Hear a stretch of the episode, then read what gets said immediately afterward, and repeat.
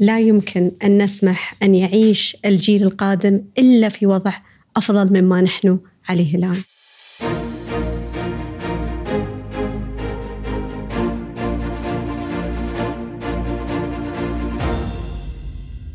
مرحبا أيها المستمعون الأعزاء في هذه الحلقة من بودكاست استوديو 2030 والذي يتم تقديمه لكم بالتعاون ما بين اللجنة الوطنية لأهداف التنمية المستدامة في دولة الإمارات العربية المتحدة ومعهد بوسترتي المتخصص في الاستدامة. أنا مقدم البرنامج إبراهيم الزعبي رئيس مجلس الأمم المتحدة للهدف رقم 13 المتعلق بالعمل من أجل التغير المناخي. ونحن ننطلق في رحلة مثيرة عبر عالم الاستدامة وأهداف التنمية المستدامة هنا في قلب منطقة الشرق الأوسط وشمال إفريقيا. وفي هذه الحلقة ننطلق في استكشاف خلاب نحو المستقبل.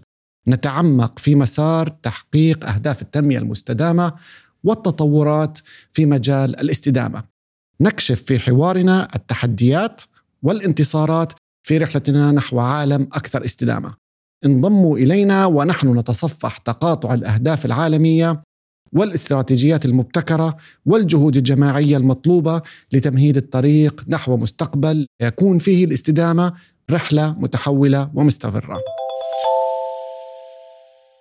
ونحن نتصفح تقاطع الأهداف العالمية والاستراتيجيات المبتكرة والجهود الجماعية المطلوبة لتمهيد الطريق نحو المستقبل. لا يكون فيه الاستدامة مجرد وجهة بل رحلة متحولة ومستمرة مع ضيف متميز معالي الوزيرة عهود بنت خلفان الرومي وزير الدولة للتطوير الحكومي والمستقبل في حكومة دولة الإمارات العربية المتحدة رائدة ذات رؤية طليعة قيادية في التنمية المستدامة. وإنه من دواعي الشرف أن نرحب بمعاليك في حلقة اليوم.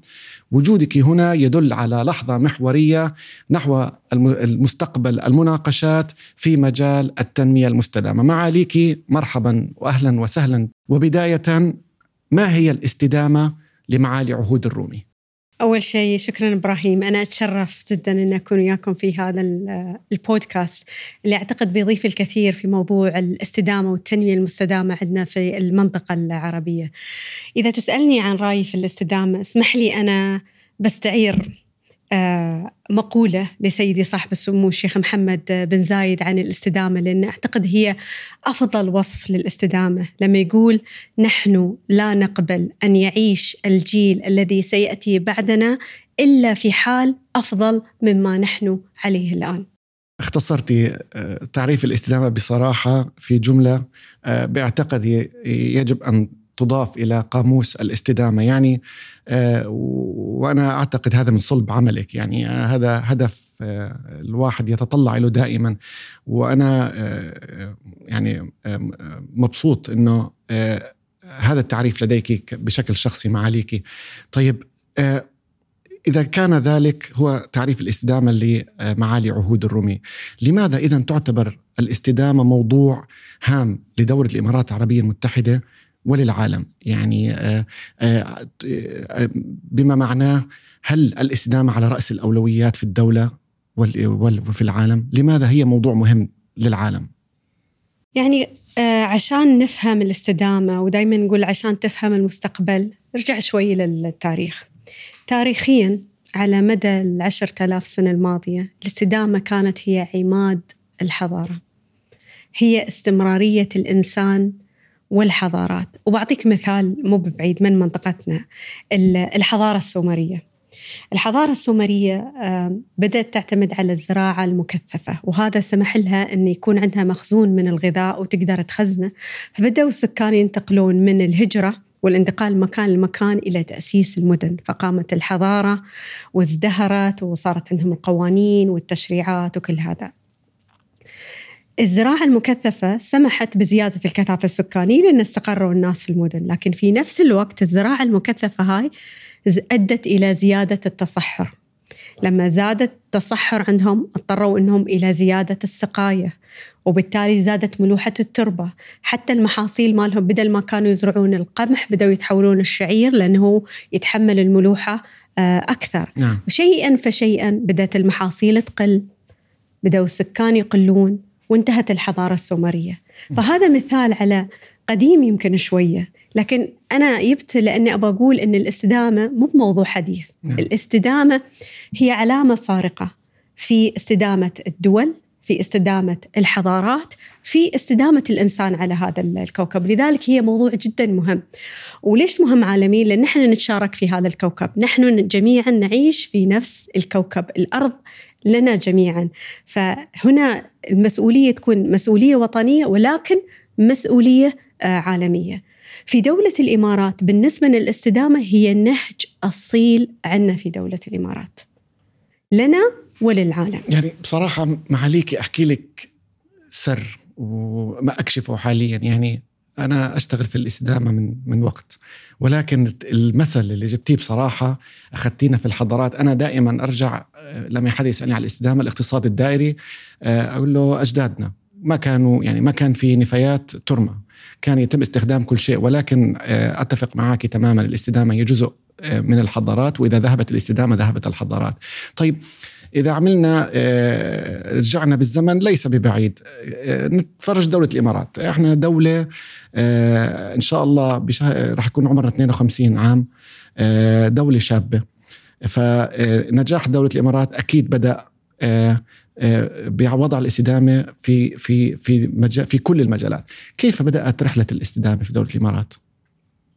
آه، رحلة الاستدامة إبراهيم بدأت في دولة الإمارات مع الشيخ زايد المغفور للشيخ زايد الوالد المؤسس. بدنا قصص وأمثلة رجل البيئة الأول, الأول. طيب. يعني أنت قلت أن دولة الإمارات هي دولة حديثة. عهد الشيخ زايد كان عهد التأسيس. فكانت الدولة تتأسس كانت المباني تبنى كانت المستشفيات تبنى كانت المدارس تبنى. فالشيخ زايد كان عنده هذه النظرة الحكيمة للتوازن. بين التنمية أنا كدولة بتطور ولكن في نفس الوقت الاستدامة. الشيخ زايد الله يرحمه ما كان يتكلم فقط عن المحافظة على البيئة وإنما كان يتكلم عن تنمية الموارد الطبيعية لأجيال المستقبل. صحيح. إحنا أرضنا صحراء. الشيخ زايد قبل خمسين سنة اشتغل على تخضير هذه الصحراء. يعني هو ترك البيئة بشكل أفضل نمانا الموارد الطبيعية. ويمكن أنت تعرف إبراهيم القصة المشهورة أن جابوا الخبراء من اليابان وقالوا إنه مستحيل هذه الأرض تزرع نعم. وهو ما قبل برأي الخبراء وزرعها بنفسه زرع أرض دولة الإمارات هذا نعم. نحن نتكلم قبل ما العالم يتكلم عن تنمية مستدامة ولا تغير مناخي كثير من القصص نعم. عن الشيخ زايد آه، الله يرحمه يعني أعطيك قصة جميلة بعد حلوة آه، عن صير بنياس جزيرة صير بنياس نعم. نحن نعرفها نعم. من أكبر المحميات الطبيعية في دولة الإمارات نعم. والتنوع نعم. البيولوجي فيها في السبعينات لما زارها الشيخ زايد الله يرحمه وقرر إنه هو يبغي ينشئ هاي المحمية الطبيعية كان عنده علاقة خاصة في البيئة. كان يبغي هاي الجزيرة تكون محطة للطيور المهاجرة اللي في طريقها مثلا من الشرق إلى الغرب وبالعكس أن تستقر فيها. فبدأوا يزرعون فيها النباتات على أساس أن تكون مهيئة لاستقبال هذه الطيور. وفعلا خلال يعني سنوات ازدهرت الحياة الفطرية فيها واحدة من القصص اللي تروى عن هذا الموضوع أنه بدأت تستقطب هذه الجزيرة طائر الفلامينغو نعم طائر الفلامينغو يطير لمسافات طويلة صح. وطائر الفلامينغو نعرف حجمه يعني نعم. كبير فيستهلك غذاء أكثر نعم. فالمسؤولين في المحمية اشتكوا للشيخ زايد رحمة الله عليه إنه هذا طائر فلامينغو ياخذ الغذاء من الجزيرة نعم. ونصحوه بالتخلص منه تعرف شو كان رد الشيخ زايد آه، الله يرحمه على هالموضوع؟ شو كان رده؟ قال لهم حد يطرد ضيوفه. تخيل يعني هذه العلاقة الخاصة مع البيئة والرفق بالكائنات الحية. بالعكس أمر أن يكون لها بيوت خاصة وعناية خاصة. وأصبحت آه، آه، جزيرة صير بنياس محطة رئيسية مهمة للفلامينغو وتكاثرها عندنا في المنطقة. وأنا متأكدة أن عندك أيضا قصص أخرى لا أكيد عن الوالد أكيد. المؤسس. أنا, أنا أي شخص آه، أتوقع في المنطقة العربية وليس في دولة الإمارات مختص في الاستدامة ودرس البيئة طبعا إلا يكون درس مدرسة الشيخ زايد الله يرحمه في مجال الاستدامة والبيئة. يعني أحد اهم الأمثلة آه، الأحزمة الخضراء اللي حاليا كافة كل الأمم المتحدة. أي شخص يختص في موضوع التغير المناخي منذ سنوات في العصر الحديث آه، أفضل الحلول معاليك إنه زراعة شجرة. من بدأ في زراعة الأشجار؟ يعني آه، الأحزمة الخضراء. طبعا آه، يعني الخطاء الأخضر في دولة الإمارات يعود الفضل بعد رب العالمين إلى الشيخ زايد. وهي وحتى زراعة يعني تم حصد جوائز عالمية على هالدولة أعطيك قصة ثانية في مجال النفط والغاز. آه، كان في السبعينيات آه، حرق الغاز الزائد من حقول البترول. ما كان هناك في قيمة تجارية أصلا له فالقصة كانت الشيخ زايد الله يرحمه كان في البر مع آه، أصدقائه وشاف الحرق.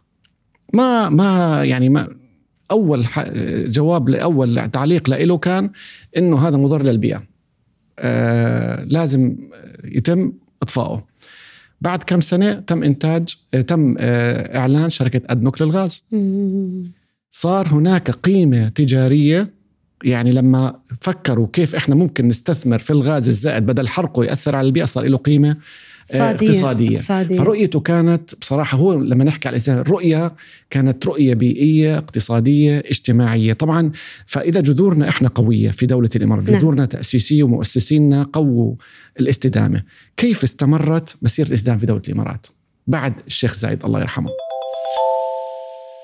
طبعا الوالد المؤسس هو اللي غرس في فينا كإماراتيين حب نعم. البيئة والمحافظة عليها وتنميتها. نعم. آه، فدولة الإمارات آه، كملت قيادة دولة الإمارات على نفس النهج سواء في عهد المغفور له الشيخ خليفة بن زايد آه، بقيادة صاحب اسمه الشيخ محمد بن زايد الله يحفظه صاحب اسمه الشيخ محمد بن راشد. دولة الإمارات كملت على هذا الموضوع موضوع الاستدامة موضوع مهم. وخليني أعطيك بعض الأمثلة. يعني مثلا نشوف كثير من القوانين والتشريعات اللي طلعت لحماية البيئة للمحميات الطبيعية للزراعة للصيد يمكن أنت مطلع أكثر آه، نعم. عني عن هالمواضيع ملف التغير المناخي نعم. ظهر في عام 2016 كانت وزارة البيئة تاريخيا صحيح. كانت صحيح. وزارة البيئة نعم. أذكر ذلك. في 2016 صحيح. ظهر ملف اللي هو البيئة والتغير آه، المناخي في 2012 يمكن قبل 11 سنة استراتيجية الإمارات للتنمية الخضراء لأن نعم. من البداية كانت دولة الإمارات تبغى تتجهز لموضوع الاقتصاد الأخضر نعم. وأهميته وإحنا نعرف نعم. أهميته الحين نعم. موضوع الاقتصاد الأخضر هذا جانب الجانب الثاني موضوع الطاقة النظيفة. نعم. 2006 هاي قصة نجاح. يعني موضوع مصدر. الطاقة وانت مطلع على هالموضوع. يعني سعر إحنا أفضل أسعار في العالم للطاقة النظيفة في دولة الإمارات. يعني مصدر تأسست عام 2006 صحيح. وأصبحت مصدرا للإلهام من أك... في نعم. العالم نعم. يعني مصدرا الحين في كثير من دول العالم تشتغل في ست قارات صح. ويتوقعون أن في 2030 ممكن الطاقة محفظة الطاقة اللي فيها ممكن أن نعم. توصل ل 22 مليون آه، نعم. بيت وتوالت آه، المشاريع الطاقة الشمسية مجمع محمد براشد نعم. للطاقة الشمسية نعم. براكة للطاقة النووية نعم. فموضوع الطاقة النظيفة أيضا إحدى المحاور اللي كملت عليها قيادة دولة الإمارات. ولكن أيضا الدور العالمي لقيادة دولة الإمارات ودولة الإمارات. مثلا جائزة زايد لطاقة المستقبل. نعم. استضافت دولة الإمارات لآيرينا اللي هي الوكالة أو المنظمة الدولية للطاقة النظيفة والمتجددة. أيضا عندنا صندوق محمد بن زايد لحماية الكائنات نعم. الحية اللي يساعد الكثير من المشاريع في في دول العالم. فكل هاي المحاور هي استمرارية لنهج الاستدامة في دولة الإمارات وأهميتها لنا في دولة الإمارات. بصراحة يعني آه، معاليكي آه، أتفق معك تماما. دولة الإمارات يعني خصوصا بموضوع الطاقة آه، دولة الإمارات تحوي من أكبر محطات آه، توليد الطاقة الشمسية في سواء كان مجمع أحمد بن راشد أو في آه، في دبي وضفرة في أبو ظبي. تم الإعلان من تقريبا شهر عن توليد طاقة رياح في الدولة. تم الإعلان على الجيوثيرمال اللي هو الطاقة البخار أو نعم. المياه الحر. فدولة الإمارات من الدول بصراحة الرائدة في موضوع موضوع الطاقة والطاقة المتجددة. وأنا أسمع لك معاليكي. وأنت وزيرة للتطوير الحكومي وللمستقبل. بصراحة كأني أسمع إلى رئيس تنفيذي للاستدامة في إحدى الشركات الكبرى. فيعني أنا هذا سؤالي بدي يكون هلأ عن دولة الإمارات من حكومة دولة الإمارات من الحكومات النموذجية والمميزة على مستوى العالم وليس على مستوى المنطقة. وأنت كنت ضمن الفريق آه، آه، ولا زلت طبعا آه، خطة الإمارات 2031 و 2071 آه، أنا أسمع لك أنا متأكد إنه حكومة الدولة دمجت الاستدامة في خططها الحكومية ممكن تحكي لنا كيف إذا هل تم دمج الاستدامة وكيف وبعض الأمثلة إذا ممكن قبل ما أتكلم عن الخطط ورؤى دولة الإمارات يمكن مهم بعد نحن نذكر إبراهيم أن آه هذا العام 2023 هو عام الاستدامة في دولة نعم. الإمارات نعم. وشعاره الغد آه آه اليوم للغد نعم. أن نحن القرارات اللي بناخذها اليوم بتأثر علينا في الغد وتفصلنا أيام عن استضافة دولة الإمارات لمؤتمر كوب 28 نعم. اللي من خلاله تتولى دولة الإمارات مسؤولية عالمية في موضوع إدارة الملف التغير المناخي على نعم. مستوى العالم فهذا الموضوع جدا مهم لدولة الإمارات عالميا وأيضا وطنيا لما نتكلم وطنيا إحنا عندنا مئوية الإمارات 2071 صحيح. خطتنا للخمسين سنة القادمة. هاي تعتبر الوجهة والتوجه لدولة الإمارات خلال خمسين سنة القادمة. الهدف منها استدامة الازدهار من هاي الوجهة والتوجه. ماذا يعني ذلك؟ يعني نحن الحين في دولة الإمارات الحمد لله من أفضل دول العالم في كثير من المؤشرات العالمية. صحيح. الهدف والوجهة والتوجه أن إحنا نكون أفضل دولة في العالم بحلول مئوية الإمارات اللي هي 2071 ولو بتلاحظ هذه هذا الخيط المتصل من القائد المؤسس بتنمية الموارد إلى قيادة دولة الإمارات إن إحنا لازم ننمي لازم نحافظ على الازدهار اللي يعيش اللي, اللي نحن نعيشه الحين لأجيال المستقبل. هذه المئوية تنفذ عن طريق آه، آه، خطط عشرية أو استراتيجيات عشرية. واحدة منهم اللي هي 2031 اللي يخلي نحن نقول إبراهيم هي العشرية الأولى من خطة الخمسين آه، سنة قادمة نعم. هاي العشرية فيها أربع محاور. واحدة منها يعني بالنص تقول الإمارات قوة داعمة للأجندة العالمية في الاستدامة البيئية. ممتاز. تطمح دولة الإمارات أنها تكون مركز للابتكارات الخضراء والابتكارات الرقمية الخضراء واستكشاف حلول وفرص جديدة لمعالجة التغير المناخي ليس فقط في دولة الإمارات ولكن على مستوى العالم. فهذا الموضوع الاستدامة مزروع في الوجهة والتوجه. ممتاز. موجود في موضوع الاستراتيجية وهذا كله بتوجيهات القيادة. واحدة من يمكن من فترة طلعت المبادئ الاقتصادية لدولة الإمارات. واحدة من المبادئ الاقتصادية لدولة الإمارات تقول نحن نريد اقتصاد متوازن ومستدام يحافظ على الموارد للأجيال القادمة. صاحب السمو الشيخ محمد بن راشد كان له تغريده قريبا يتكلم عن آه، الأولويات لحكومة دولة الامارات، ذكر ثلاث أولويات إبراهيم. قال نحافظ على الزخم الاقتصادي اللي إحنا فيه. نمكن الشباب وعنصر الاستدامة لابد أن يكون حاضر في سياساتنا، في قوانيننا، في مشاريعنا التنموية. فالاستدامة موجودة كمفهوم في التوجه في السياسات في القوانين في التشريعات. لذلك هي هي مو في قطاع واحد وإنما نعم. في كل القطاعات. صح معاليك. إحنا دائما بنحكي آه الاستدامة هدف ولكن التحدي استدامة الاستدامة. معاليك وضع الاستدامة في الخطط الحكومية موضوع مهم بصراحة وهذا جزء مهم. ولكن تنفيذ تطبيق عملي آه، جزء كبير من النجاح. يعني ممكن تشاركي معنا أمثلة أو حتى مشاريع. يعني إذا كان في هناك مشاريع قامت فيها دولة الإمارات العربية المتحدة ودمجت فيها موضوع الاستدامة. نعم. أعتقد موضوع التنفيذ موضوع وايد مهم لأن وجود رؤية أو وجود توجه أو وجهة لا يكفي. إذا ما تم ترجمتها في شكل مشاريع عملية حقيقية تترجم يعني ليست فقط نظرية. لا لا لا. نعم. وهذا نهج دولة الإمارات. فمثلا نتكلم عن لما نتكلم إحنا عن إن إحنا نكون قوة داعمة مثلا للاجنده العالمية للاستدامة البيئية، مثلا قبل فترة أو فترة قصيرة تم افتتاح محطة الضفرة للطاقة الشمسية، نعم. هاي أكبر محطة للطاقة الشمسية في مكان موقع واحد في آه، في العالم. فيها صحيح. حوالي 4 ملايين آه، لوح آه، شمسي ثنائي الوجه. وممكن أن توفر الطاقة ل 200 ألف منزل. هاي أحدث المشاريع نتكلم عن الطاقة اللي هي الشمسية. أيضا في مثلا موضوع الهيدروجين الأخضر. نعم. موضوع الهيدروجين الأخضر موضوع وايد مهم. دولة الإمارات تطلع أنها تكون لاعب رئيسي في هذا الموضوع. مصدر عندها خطة أنها تنتج مليون طن من الهيدروجين الأخضر. أيضا عندنا محطة لإنتاج الهيدروجين الأخضر في مجمع محمد بن راشد للطاقة آه، الشمسية. هاي كلها أمثلة عملية أن إحنا كيف التوجهات اللي إحنا نبغيها كيف نطبقها. بعطيك مثال ثاني.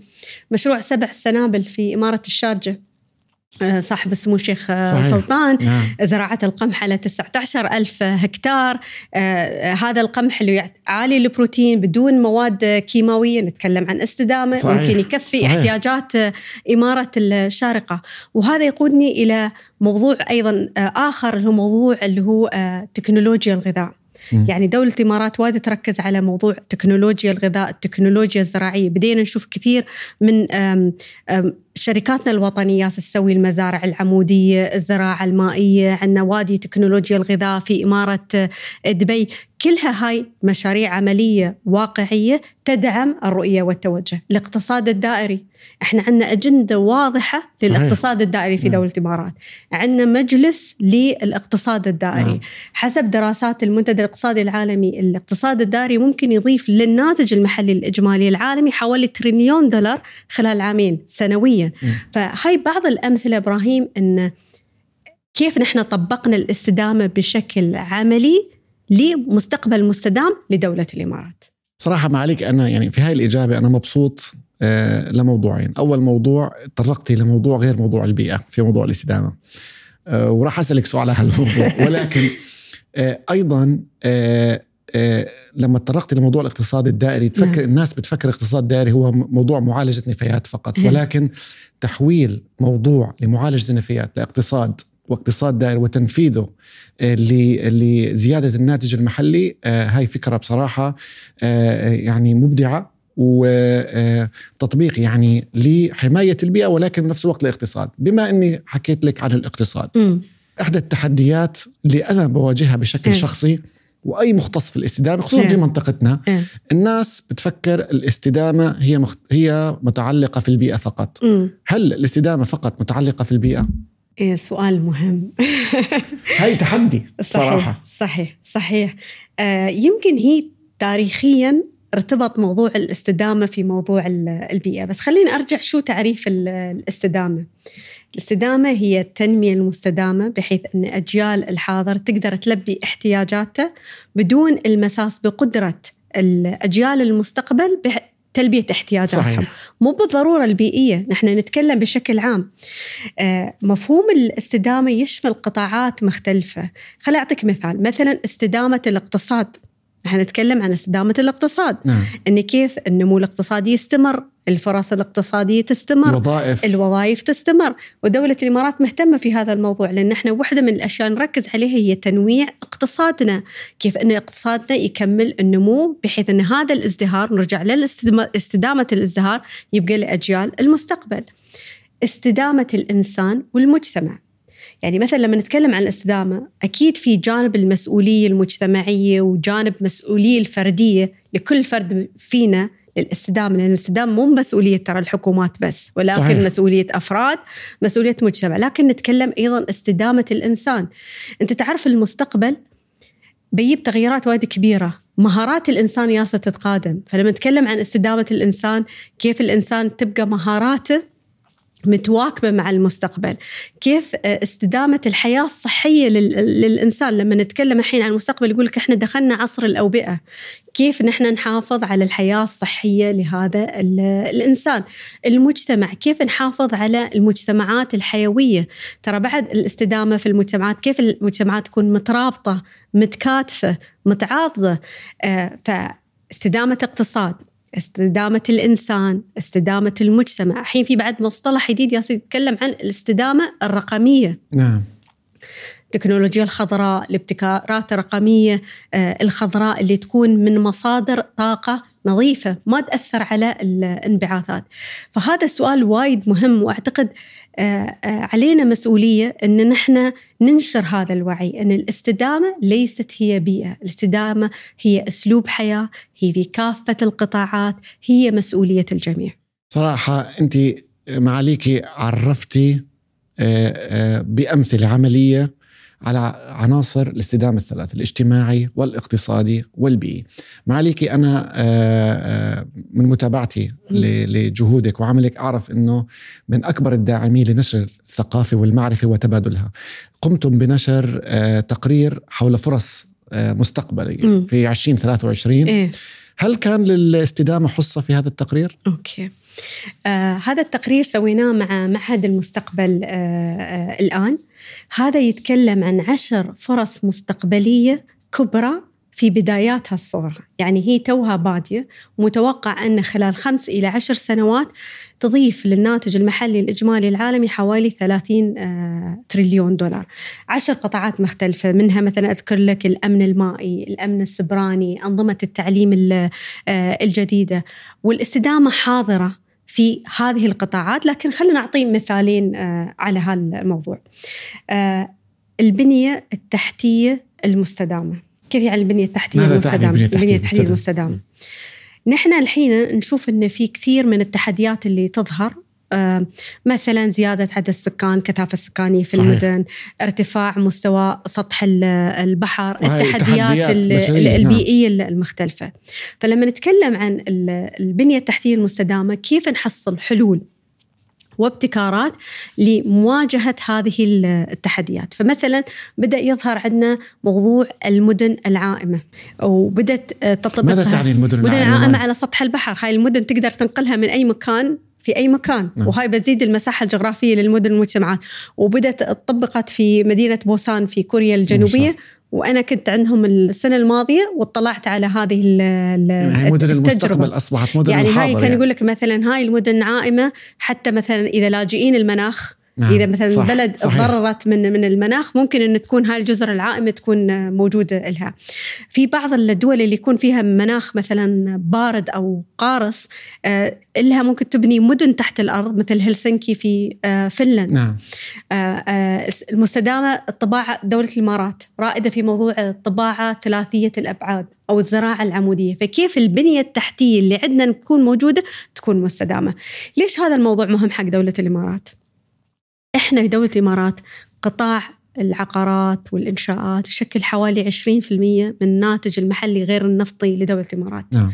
ففي فرصة كبيرة لدولة الإمارات إنها تكون رائدة في موضوع هذه الابتكارات في البنية التحتية المستدامة وإن تصدرها للعالم. خليني أعطيك مثال ثاني إبراهيم من التقرير عن الاستدامة. قطاع التنقل. نحن نشوف على مستوى العالم في زيادة كبيرة في أعداد البضائع اللي تنقل والأفراد اللي ينقلون. وحتى نتوقع أنه يعني ممكن يوفر هذا القطاع حوالي 300 مليار دولار أمريكي خلال العشر سنوات القادمة. آه، موضوع الاستدامة موضوع وايد مهم في هذا القطاع. وأنا باخذ قطاع واحد يمكن قطاع يهمنا بعد إحنا في دولة الإمارات قطاع الطيران. قطاع الطيران يقولون إنه هو مسؤول عن 2% من الانبعاثات الكربون في في نعم. العالم وبالتالي أصبح موضوع الاستدامة نقاش عالمي في قطاع الطيران خلينا نقول الاستدامة سوت هي brand المستقبل اللي الشركات المصنعة تروج على طائراتها نهاية الطائرات أكثر استدامة. وأيضا المعيار اللي شركات الطيران تشتري على أساسه الطيارات. حتى في يعني حديث أنه ممكن يكون في المستقبل معايير للاستدامة. في بعض الدول تحط معايير الاستدامة لهبوط الطائرات في مطاراتها صحيح وممكن و... هذا في يعني في المستقبل القريب يعني. أيوه نحن لازم نكون آه، جاهزين, جاهزين. ونحن دولة الإمارات قطاع الطيران عندنا آه، جدا مهم. فعلا الحمد لله أن ناقلاتنا الوطنية بدأت تستعد لهذا آه، الشيء. يمكن قريب سمعنا أن طيران الإمارات قامت برحله جوية طويلة المدى صحيح. إلى سيدني وشيكاغو باستخدام الوقود المستدام صحيح. ساف وقود الطيران المستدام وهذا أنا يعني لما بديت أبحث عنه لأن أنا ما أعرف وايد عن قطاع الطيران إن هذا الوقود يعاد من زيوت الطبخ صحيح وإعادة استخدامه نعم. تدويره نعم. يعني هذا بالنسبة لي كانت معلومة جديدة إني أنا صح. آه، أعرف عنها أيضا طيران الاتحاد عندهم آه، طيران الاتحاد آه، برنامج الطيران المستدام اللي هو يوفر خلينا نقول تجربة م- تجربة سفر مستدامة من بداية مثلا شحن الأمتعة والبضائع عن طريق الجرارات الكهربائية مثلا تقليل استخدام البلاستيك اللي هي المرة آه، واحدة آه، من غير الأشياء اللي هي التقنيات ال- ال- الخضراء. وهذا يقلل استهلاك الوقود حوالي 15% لابد أن إحنا نكون جاهزين لأن موضوع الاستدامة في قطاع الطيران أصبح نقاش عالمي. صحيح معاليك يعني آه آه، المعايير اللي تفضلتي فيها يعني هي معايير يعيشها القطاع الخاص هناك ضغط من المستهلكين ضغط من عنصر الشباب آه، هناك وعي آه، في مسؤولية الشركات والقطاع الخاص آه، نحو الاستدامة بأجزائها الاجتماعية الاقتصادية البيئية ولكن آه، تفضلتي في كلمة معاليك أنه هذه شراكة إيه. يعني تعاون صح. ما بين كافة شرائح المجتمع إيه. طيب آه، المعايير معظمها إحنا ملاحظين آه، ممكن يعني آه، دولة الإمارات العربية المتحدة آه، يعني من الاستثناءات عالميا في مم. موضوع ال- آه، الاستدامة في الموضوع الحكومي. آه، لكن مواضيع الاستدامة هناك ضغط على القطاع الخاص إيه. بصراحة صحيح آه، وكون المستهلك آه، مؤسسات المجتمع المدني المعايير الحكومية ولكن لحتى يصبح يعني الاقتصاد آه، أخضر مستدام آه، الحكومة يجب أن تكون قدوة. والقدوة يعني في عملياتها الخاصه وليس فقط معايير. هل لدى الحكومة خطط لدمج آه، أو جعل الحكومة أكثر استدامة في عملياتها الخاصة؟ يعني عملياتها البشرية عملياتها الاستهلاكية عمليات الشراء والبيع؟ هذا السؤال وايد مهم إبراهيم. وهذا يرتبط باللي إحنا تكلمنا عنه إن الاستدامة مو بيئة مو فقط في القطاع البيئي. وعادة يعني القطاع الحكومي ما ينظروا له في موضوع الاستدامة وهالأشياء مع إنه خلي أعطيك رقم بيصدمك إبراهيم. تونا تكلمنا عن قطاع الطيران. صحيح. انبعاثات أو مسؤول عن 2% الحكومات مشترياتها الحكومية يعني خلينا نقول تقريبا عالميا 11 تريليون دولار سنويا. هذا هذا هذا لحاله اقتصاد. هذا بروح اقتصاد. في دراسات تقول إن حجم الانبعاثات اللي طالعة من هاي المشتريات الحكومية حوالي 15% من الانبعاثات في العالم يعني سبع أضعاف قطاع الطيران. قطاع الطيران. لذلك هاي من وايد المشتريات الحكومية. إيه لا لذلك وايد مهم إن نحن ممارساتنا كحكومة تكون خضراء. آه، طبعا في أكيد المجالات التقليدية ما بقول التقليدية ولكن خلينا نقول رئيسية مثلا المباني، استهلاك الطاقة، استهلاك المياه، لكن خليني أخذك شوي في مجال ثاني يمكن المجال مهتمه فيه موضوع التحول ال- الرقمي. نعم. كثير من دول العالم تتحول الآن رقميا لأن الموضوع الرقمي أو الحكومة الرقمية ياسة تحسن الخدمات حق المتعاملين وفي نفس الوقت تزيد كفاءة وفعالية الحكومات يعني المبالغ اللي تصرف مبالغ كبيرة حوالي 600 مليار يقدر الإنفاق يعني خلال العام على موضوع برامج الحكومة الرقمية في العالم أو نعم. التحول الرقمي. لكن لازم ننتبه لأن التحول الرقمي له جانبين. التحول الرقمي يمكن يساعدنا إن نحن نتخلص من الأوراق نتخلص من الزيارات للمتعاملين يعني انها انبعاثات تطلع من السيارات. صحيح. فممكن إنه هو ينزل انبعاثات بنسبة 20% على عنصر بيئي إيجابي. إيجابي. نعم. لكن بعد في نفس الوقت التكنولوجيا تستهلك كهرباء. صح في بعض الدراسات تقول لك إنه ممكن يعني خلال السنوات القادمة يعني 20% من استهلاك الكهرباء يكون نتيجة اللي هي التحول الرقمي هاي بيحكوها غرف السيرفرز. أيوه صحيح. مراكز البيانات صحيح مراكز البيانات يقول صحيح. لك ممكن إن خلال يعني سنوات تكون هي مسؤولة عن استهلاك 14% من الكهرباء صحيح. في العالم فإحنا لازم ننتبه إن إحنا في ممارساتنا للتحول الرقمي لازم تكون تحول رقمي مستدام. كيف نضع معايير الاستدامة في التحول صحيح. الرقمي؟ من ناحية مثلا اختيارنا للأجهزة اختيارنا للتكنولوجيا. حتى ان إحنا نقول الإي ويست. يعني هاي الأجهزة اللي إحنا موجودة عندنا كيف نتصرف فيها؟ لأن هاي بعد في النهاية عبء على النفايات الإلكترونية مشكلة كبيرة أيوة. يعني أيوة. النفايات الإلكترونية موضوع مهم يمكن ما انتبهت لكثير من الحكومات أن إحنا كيف نتصرف فيها؟ لأن التكنولوجيا تتسارع وكل يوم يطلع لك آه، شيء جديد. نحن في دولة الإمارات يمكن موضوع الحكومة الرقمية موضوع جديد من سنة 2000 نتكلم عن 25 سنة. ومرينا في مراحل وايد كبيرة في موضوع الحكومة الرقمية. في دراسة كنت أشوفها آه نحن عندنا لجنة التحول الرقمي على مستوى الحكومة الاتحادية.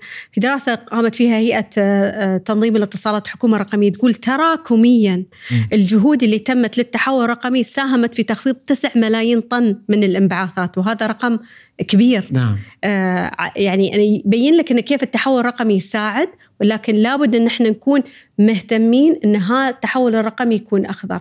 حكومة دبي كان لها تجربة أيضا وايد مهمة اللي هو الحكومة اللاورقية. في 2018 هي من احدث من أحدث أيوة. صراحة من من أفضل المبادرات. أيوه. يعني خلال ثلاث سنوات صح. حكومة آه، دبي صارت أول حكومة لا ورقيه على مستوى العالم. التخفيض في عدد الأوراق حوالي 336 مليون ورقة. شوف كم شيرة. صح. كم غابة. يعني الهدف بيئي ولكن أيوة. أدى إلى إسعاد أيوة.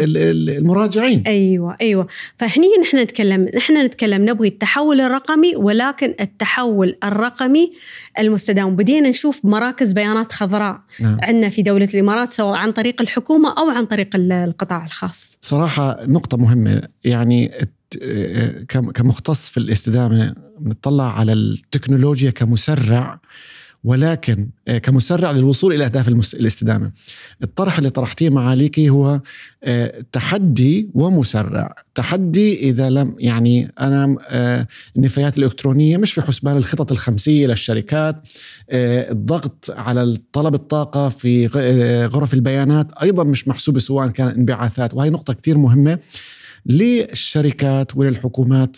يعني آه، ودولة الحكومة الإمارات آه، يعني مثال يحتذى أنه تم أخذ هذه العمليات في الحسبان. وهذا أهم مثال على دمج الاستدامة.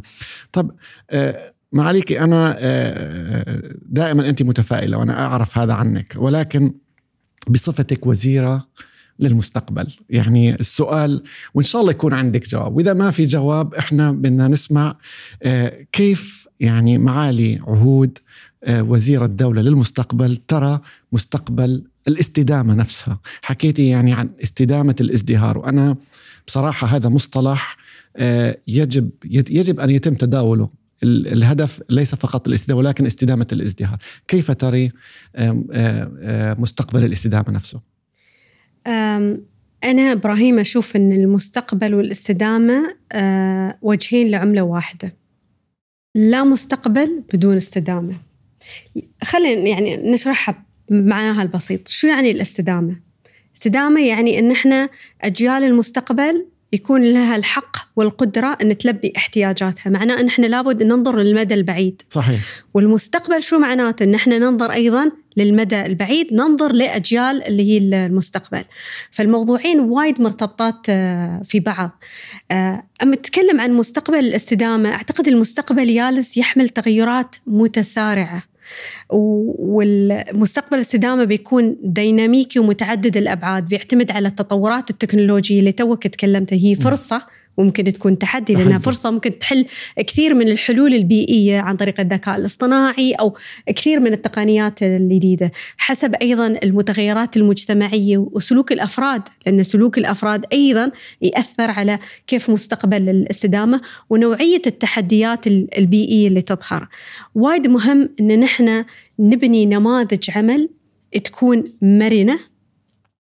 آه تتماشى مع المستقبل بما يحمل متغيرات وفي نفس الوقت قادرة على الصمود نعم. آه على أنه يتواجه هاي اللي هي التحديات البيئية وأيضا لما نتكلم عن مستقبل الاستدامة وايد مهم نركز على هالموضوع أنه هو موضوع مشترك بين أفراد بين حكومات بين قطاع خاص بين قطاع أكاديمي مسؤولية مشتركة وطنية وعالمية نحن في دولة الإمارات آه، يعني دائما نقول إن إحنا ما ننتظر المستقبل وإنما نصنعه نصنع. لأن يعني عندك حلين.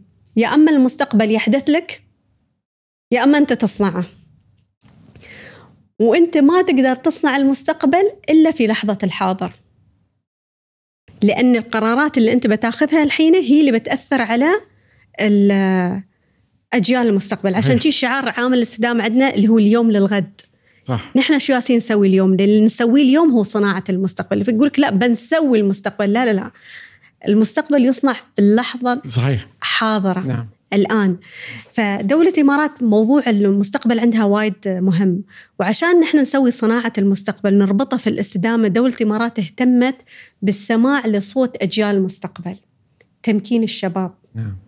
إحنا عندنا الشباب موجودين في الملف. وزاري كوزير للشباب موجودين أعضاء في مجالس إدارة موجودين ممكنين في كثير من الأدوار لأن إحنا نبغيهم يشاركون في صياغة السياسات في صياغة قوانين في المشاريع لأنهم هم جيل المستقبل هم جيل المهمة اللي بيعيشون هذا المستقبل. فهو جدا مهم إن إحنا أيضا نأهلهم ونمكنهم. فهذا جزء من صناعة المستقبل وصناعة الاستدامة في دولة الإمارات. بصراحة معاليك وأنا أسمع لك يعني وهذا إذا كان هناك أحد من صناع القرار يسمع للبودكاست اليوم يعني آه، يعني ذكرتيني في كيف ممكن إحنا نكتب المستقبل. يعني آه، ترجمته في بما بمعنى الاستدامة يعني ضمان اللي تفضلتي فيه يجب كل صانع قرار آه، واجبه.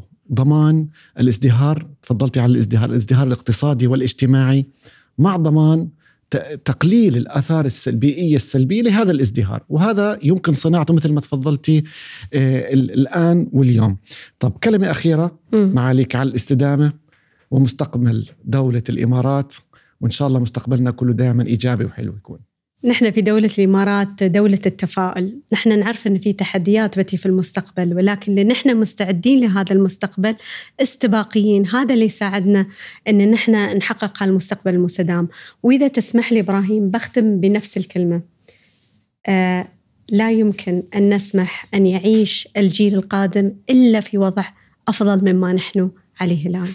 بصراحة هذا أفضل يعني أنا أنا ما أعتقد ممكن أغلب هيك ختام ولكن أنا شخصيا تعلمت اليوم تعلمت آه، آه، من شخص أنا أتوقع كل شخص ممكن يكون مختص في الاستدامة بعد السماع لك معاليكي أولا ال ال ال الوجهة ليس فقط الاستدامة ولكن استدامة الازدهار. أنا لن أنسى هذا هذه الجملة على فكرة. آه، لا مستقبل من غير استدامة. والاستدامة هي مسرع أصلا لوصول المستقبل ويمكن صناعته الآن.